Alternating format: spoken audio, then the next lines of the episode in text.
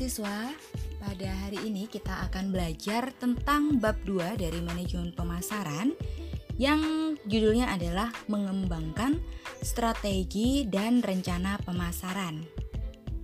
Di bab ini apa sih yang akan kita pelajari? Ada tiga hal utama yang akan kita pelajari yaitu bagaimana pemasaran mempengaruhi nilai pelanggan, yang kedua bagaimana sih perencanaan strategis itu dilaksanakan pada berbagai tingkat organisasi yang berbeda. Dan yang ketiga adalah apa saja e, cakupan dari rencana pemasaran. Oke, kita akan langsung belajar dari yang pertama.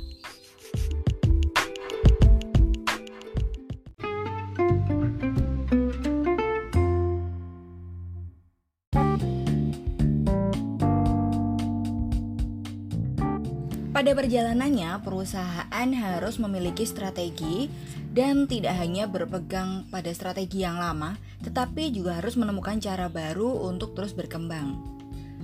Pemasaran itu harus meningkatkan strategi untuk produk dan jasa yang ada di organisasinya. Dan sebagai contoh misalnya Kompas Gramedia itu memiliki banyak sekali unit bisnis dan mereka merencana, merencanakan serta mengimplementasikan kegiatan pemasaran pada berbagai tingkat untuk banyak unit bisnis yang ada di bawah naungannya itu. Kita bicara tentang pemasaran dan nilai pelanggan. Jadi inilah perbedaan gitu antara pemasaran tradisional dan pemasaran modern. Pemasaran tradisional itu cenderung menekankan kepada proses membuat sesuatu dan menjualnya. Tetapi pemasaran modern saat ini tidak hanya cukup di membuat dan menjual, tetapi perusahaan-perusahaan ini melihat dirinya adalah bagian dari proses penghantaran nilai atau value delivery. Di dalam proses menghantarkan nilai terdapat tiga fase. Yang pertama itu memilih nilai. Di tahap ini, pemasar itu harus melakukan segmentasi pasar, kemudian memilih target pasar utama atau targeting, kemudian mereka mengembangkan positioningnya itu seperti apa. Jadi ini ya tahapan STP ini adalah uh, fase pertama di bagian memilih nilai. Kemudian di fase kedua itu menyediakan nilai. Di sini pemasar harus menentukan apa fitur produk yang akan diberikan, kemudian berapa harga yang ditawarkan, dan bagaimana saluran distribusi itu atau pemasar memilih channel mana yang akan mereka gunakan. Di fase yang ketiga adalah mengomunikasikan nilai. Di fase ini, perusahaan merancang strategi bagaimana produknya itu bisa diketahui oleh masyarakat apa tenaga penjualan yang digunakan, kemudian bagaimana iklannya, bagaimana sarana komunikasi lainnya, seperti itu. Jadi kalian paham ya bahwa proses penghantaran nilai itu tidak hanya ketika produk diterima oleh konsumen, tetapi sejak awal produk itu dirancang, sejak awal produk itu dikembangkan, itu tetap ada nilai yang dihantarkan oleh perusahaan hingga produk itu sampai kepada tangan konsumen. Lalu ada yang dinamakan dengan rantai nilai atau value chain. Jadi menurut model ini, setiap perusahaan itu merupakan sintesis dari beberapa kegiatan yang dilaksanakan untuk merancang, memproduksi, memasarkan, menghantarkan, dan mendukung produknya. Di rantai nilai ini dibedakan menjadi dua kegiatan, yaitu kegiatan primer. Kegiatan primer ini ada lima, Sedangkan kegiatan pendukungnya itu ada empat. Nah, kegiatan primer itu apa aja? Yang pertama adalah logistik. Jadi ini logistik ke dalam dan memasukkan bahan ke dalam bisnis. Yang kedua, operasi atau mengubah bahan menjadi produk akhir. Yang ketiga, logistik keluar atau mengirimkan produk akhir. Yang keempat, tahap memasarkan produk yaitu penjualan ya. Dan yang kelima adalah layanan produk. Nah itu tadi adalah lima kegiatan primer dan kegiatan pendukungnya ada empat. Yang pertama pengadaan, yang kedua pengembangan teknologi, yang ketiga manajemen sumber daya manusia, yang keempat infrastruktur perusahaan. Nah kalau infrastruktur ini umumnya ditangani oleh departemen khusus Jadi cakupannya adalah biaya manajemen umum, kemudian perencanaan, keuangan, akuntansi, hukum, dan termasuk juga di dalamnya ada hubungan pemerintah. Lalu, apa yang harus dilakukan oleh perusahaan? Mereka harus melihat berapa besar biaya yang akan dikeluarkan dengan program-program tersebut, dan e, mereka juga harus melihat kinerja pesaing sebagai tolak ukur untuk perbandingan biaya dengan kinerja mereka sendiri. Di dalam proses bisnis ada yang disebut dengan proses bisnis inti. Ini mencakup ada lima tahapan, yaitu yang pertama dimulai dari proses mengindra pasar. Apa sih mengindra? Kalau kita pahami arti dari panca indera itu kan kita merasakan sesuatu, kita meraba sesuatu, kita mengidentifikasi sesuatu fenomena atau hal yang kita rasakan. Nah, proses mengindra pasar ini hampir sama. Jadi, ini adalah proses di mana perusahaan itu mengumpulkan intelijen pemasaran. Jadi, dia mengumpulkan informasi yang ada di pasar, kemudian disebarkan atau didiskusikan gitu di dalam lingkup organisasi, kemudian menindaklanjuti informasi ini. Proses yang kedua adalah proses realisasi penawaran baru. Ini merupakan kegiatan dalam meneliti, mengembangkan, dan meluncurkan penawaran yang berkualitas tinggi, yang baru dan cepat sesuai dengan anggaran yang mereka uh, susun sebelumnya. Yang ketiga adalah proses akuisisi pelanggan. Jadi ini mencari calon pelanggan baru, kemudian mereka mencari pasar sasaran yang tepat.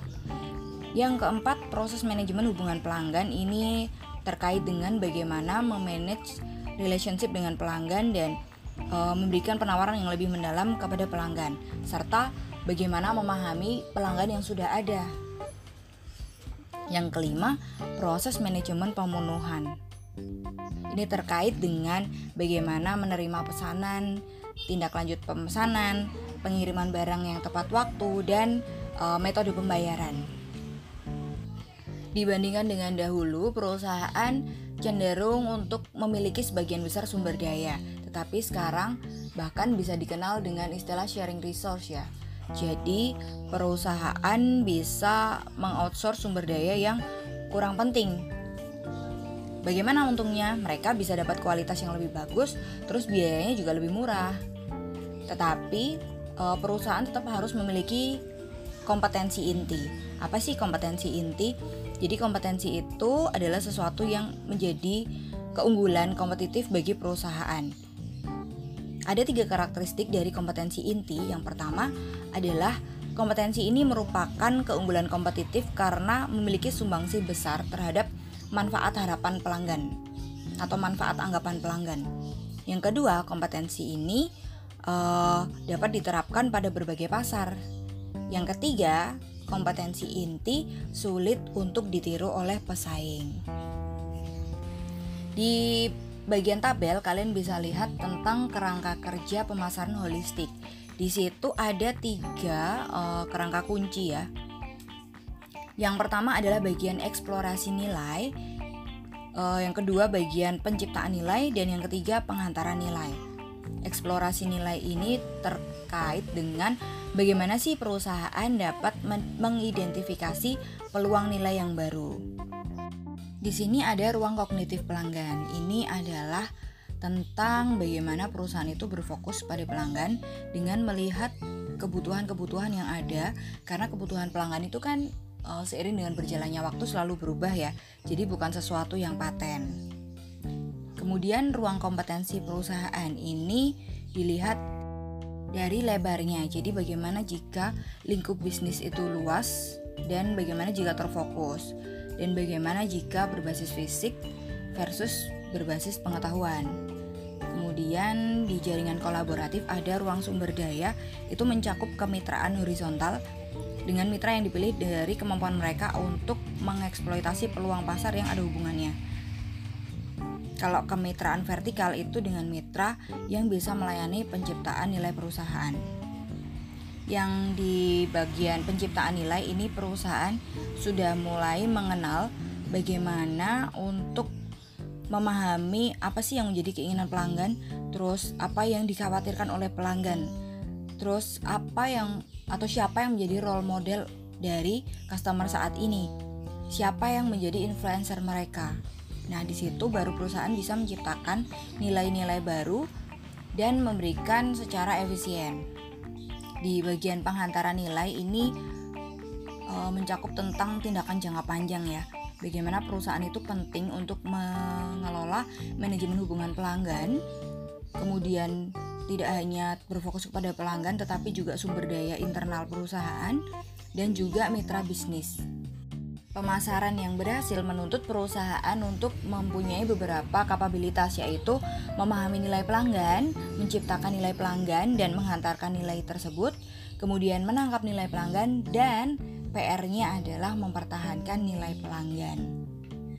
Umumnya pemasar memiliki prioritas pada perencanaan strategis itu dalam tiga bidang utama. Yang pertama, mengelola bisnis perusahaan sebagai portofolio investasi lalu menilai kekuatan setiap bisnis dengan mempertimbangkan tingkat pertumbuhan pasarnya dan juga posisi perusahaannya dan menyesuaikan diri dengan pasar tersebut terus menentukan strateginya. Jadi dalam unit-unit bisnis itu eh, perusahaan memiliki rencana pemasaran untuk mencapai tujuannya.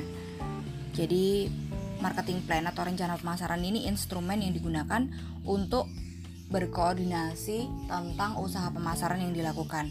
Ada dua, yaitu rencana pemasaran strategis dan taktis. Kalau strategis itu terkait dengan pasar sasaran dan proposisi nilai yang ditawarkan oleh perusahaan. Jadi ini melihat pada analisa peluang pasar yang terbaik. Kalau yang kedua itu rencana pemasaran taktis itu terkait dengan taktik pemasaran, misalnya kayak fitur produknya, promosi, penyediaan barang, penetapan harga, saluran penjualan, dan berbagai hal teknis lainnya. Di sini ada bagian perencanaan strategis, implementasi, dan proses kendali. Di tahap perencanaan itu ada empat perencanaan yaitu perencanaan korporat, divisi, perencanaan bisnis, dan perencanaan produk. Kemudian pada bagian pengimplementasian ada proses mengorganisasi dan implementasi, Kemudian di bagian pengendalian ada pengukuran hasil, diagnosa hasil, dan mengambil tindakan korektif.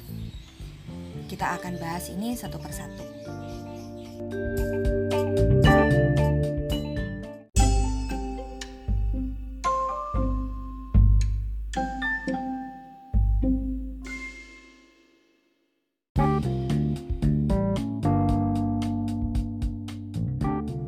Beberapa korporasi mereka memiliki unit bisnis. Misalnya sebagai contoh, Kompas Gramedia ini dia memiliki beberapa bisnis unit yang bervariatif. Jadi dia ada media massa yang kalian ketahui ya. Media massa itu ada yang cetak, ada yang daring. Kemudian dia punya toko buku, penerbitan. Dia juga memiliki jaringan hotel. Jadi kalau Kompas Gramedia itu jaringan hotelnya Santika ya.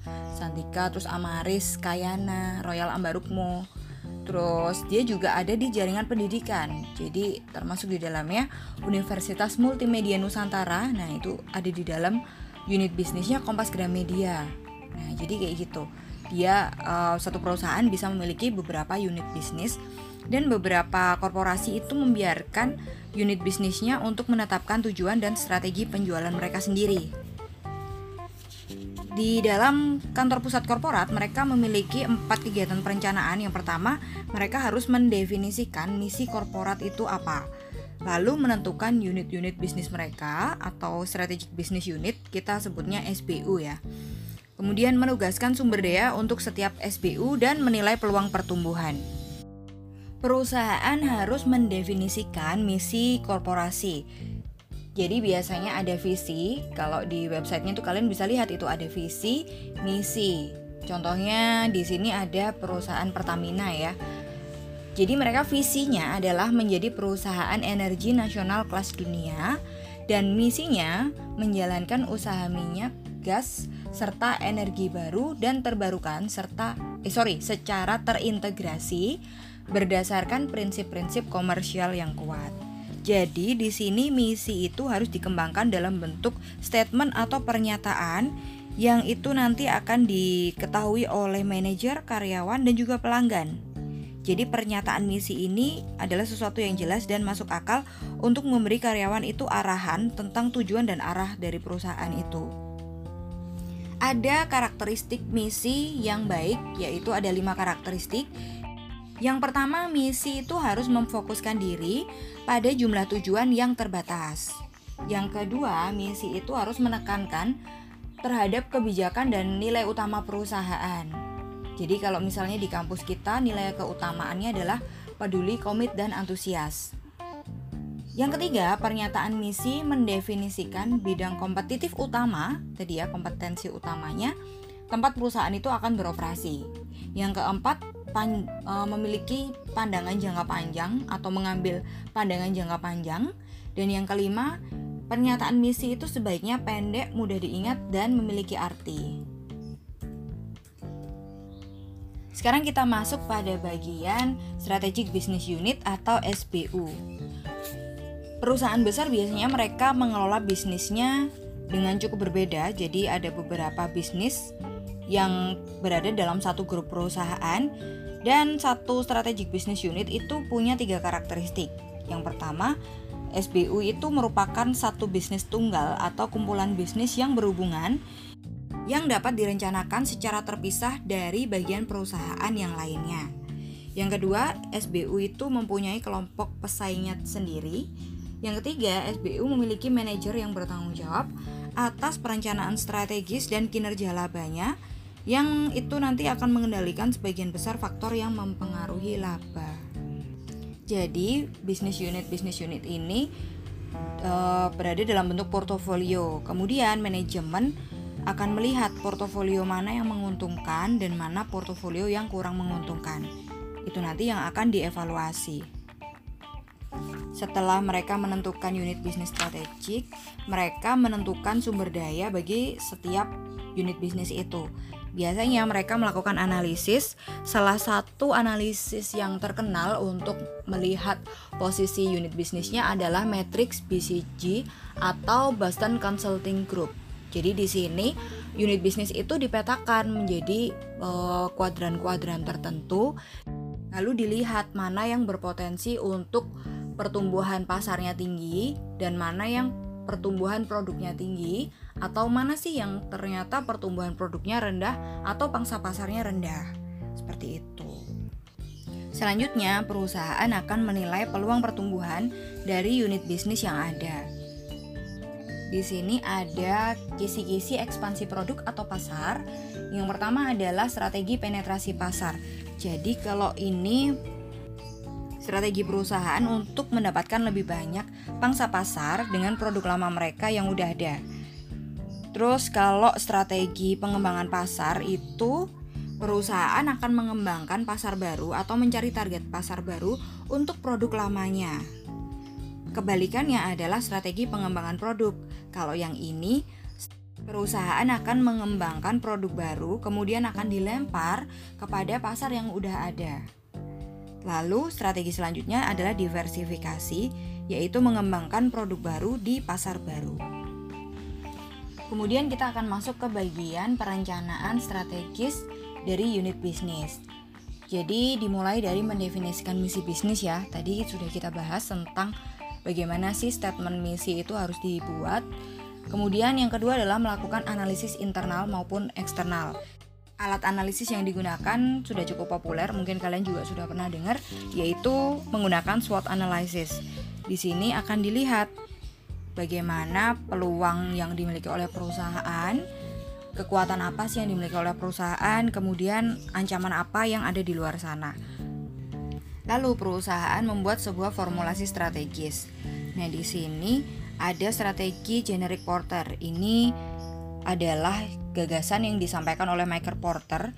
Dia mengajukan tiga strategi generik yang akan memberikan titik awal untuk berpikir strategis. Yang pertama adalah tentang kepemimpinan biaya secara keseluruhan. Jadi di sini perusahaan bekerja keras untuk mencapai biaya produksi dan distribusi yang paling rendah sehingga mereka bisa menetapkan harga yang paling murah dibandingkan pesaing mereka dan akhirnya itu akan membuat perusahaan memenangkan pasar. Kemudian strategi yang kedua adalah diferensiasi. Di sini perusahaan berfokus kepada kinerja yang unggul yang dicapai dengan cara unik. Dan di sini perusahaan mengincar tentang kepemimpinan kualitas.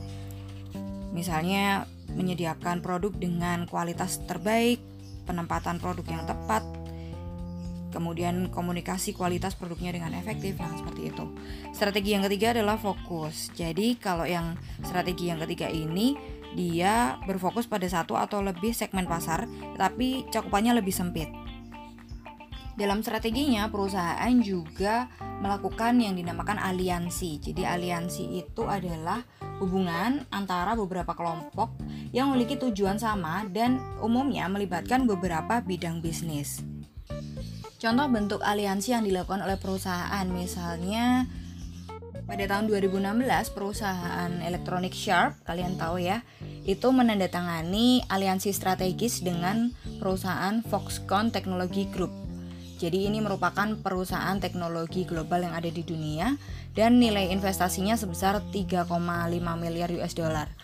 Jadi aliansi ini untuk menciptakan sinergi antara dua pemimpin teknologi global sekaligus Sharp ini ingin memperluas keunggulannya di sejumlah area termasuk di pengembangan produk. Jadi Sharp ini memiliki keunggulan dalam memanfaatkan inovasi-inovasi ciptaan tim risetnya. Kemudian dari aliansi ini didukung oleh akses luas Foxconn atas jaringan konsumen globalnya dan rantai pasokannya yang telah matang. Ada empat kategori aliansi. Yang pertama, aliansi produk atau jasa. Kalau di sini perusahaan itu melisensikan perusahaan lainnya untuk memproduksi produknya atau dua perusahaan melakukan kerjasama untuk memasarkan produk pendamping atau produk baru. Yang kedua adalah aliansi promosional. Jadi ini kesepakatan untuk menjalankan promosi bagi produk atau e, jasa atas perjanjian yang sudah dilakukan. Jadi ini dua perusahaan bikin perjanjian buat promosi bersama atau salah satu perusahaan mempromosikan perusahaan yang lain. Misalnya kalian beli produk ini ya, Make Kids itu kan ada mainannya. Nah, itu juga salah satu bentuk aliansi juga. Jadi, McD bermitra dengan pemilik lisensi dari tokoh yang dibuat mainannya itu. Terus aliansi logistik, jadi ini perusahaan menawarkan layanan logistik untuk produk perusahaan lain dan ada kolaborasi penetapan harga. Jadi, satu atau lebih perusahaan bergabung dengan penetapan harga khusus. Salah satu contoh lagi aliansi yang dilakukan oleh Gojek Indonesia dengan Bluebird. Jadi perusahaan ini kan sudah sejak tahun 2017 ya melakukan kerjasama dan sekarang Bluebird itu bisa dibayar pakai GoPay. Jadi di scan di QR code-nya gitu ya. Sekarang kan istilahnya QRIS itu strategi aliansi ini uh, bisa digunakan untuk mempersempit potensi perang tarif antara Bluebird sama Gojek. Ketika ada kolaborasi dan kerjasama antar pemain di pasar, itu akan membantu mengurangi persaingan antar perusahaan dan meningkatkan kinerja perusahaan.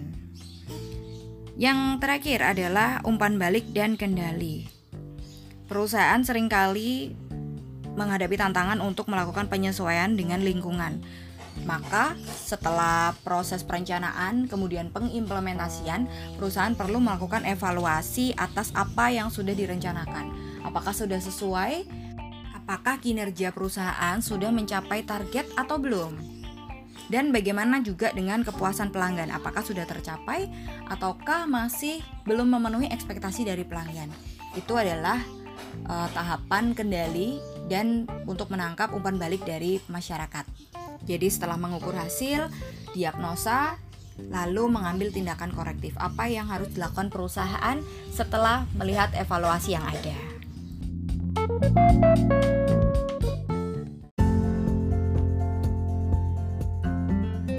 Oke, okay, hari ini kita sudah belajar tentang bagaimana nilai pelanggan itu sangat dipengaruhi oleh proses pemasaran, bahkan sejak produk itu belum dibuat dan kita juga belajar tentang rencana strategis di berbagai tingkat. Belajar tentang pentingnya visi misi dan pernyataan misi perusahaan, juga tentang strategic business unit. Dan apa saja yang harus dilakukan oleh perusahaan untuk mengimplementasikan perencanaan strategis dan mengumpulkan umpan balik dari strategi pemasaran yang telah dilakukan. Kita bertemu lagi di bab selanjutnya tentang mengumpulkan informasi dan memindai lingkungan. Stay safe and bye bye.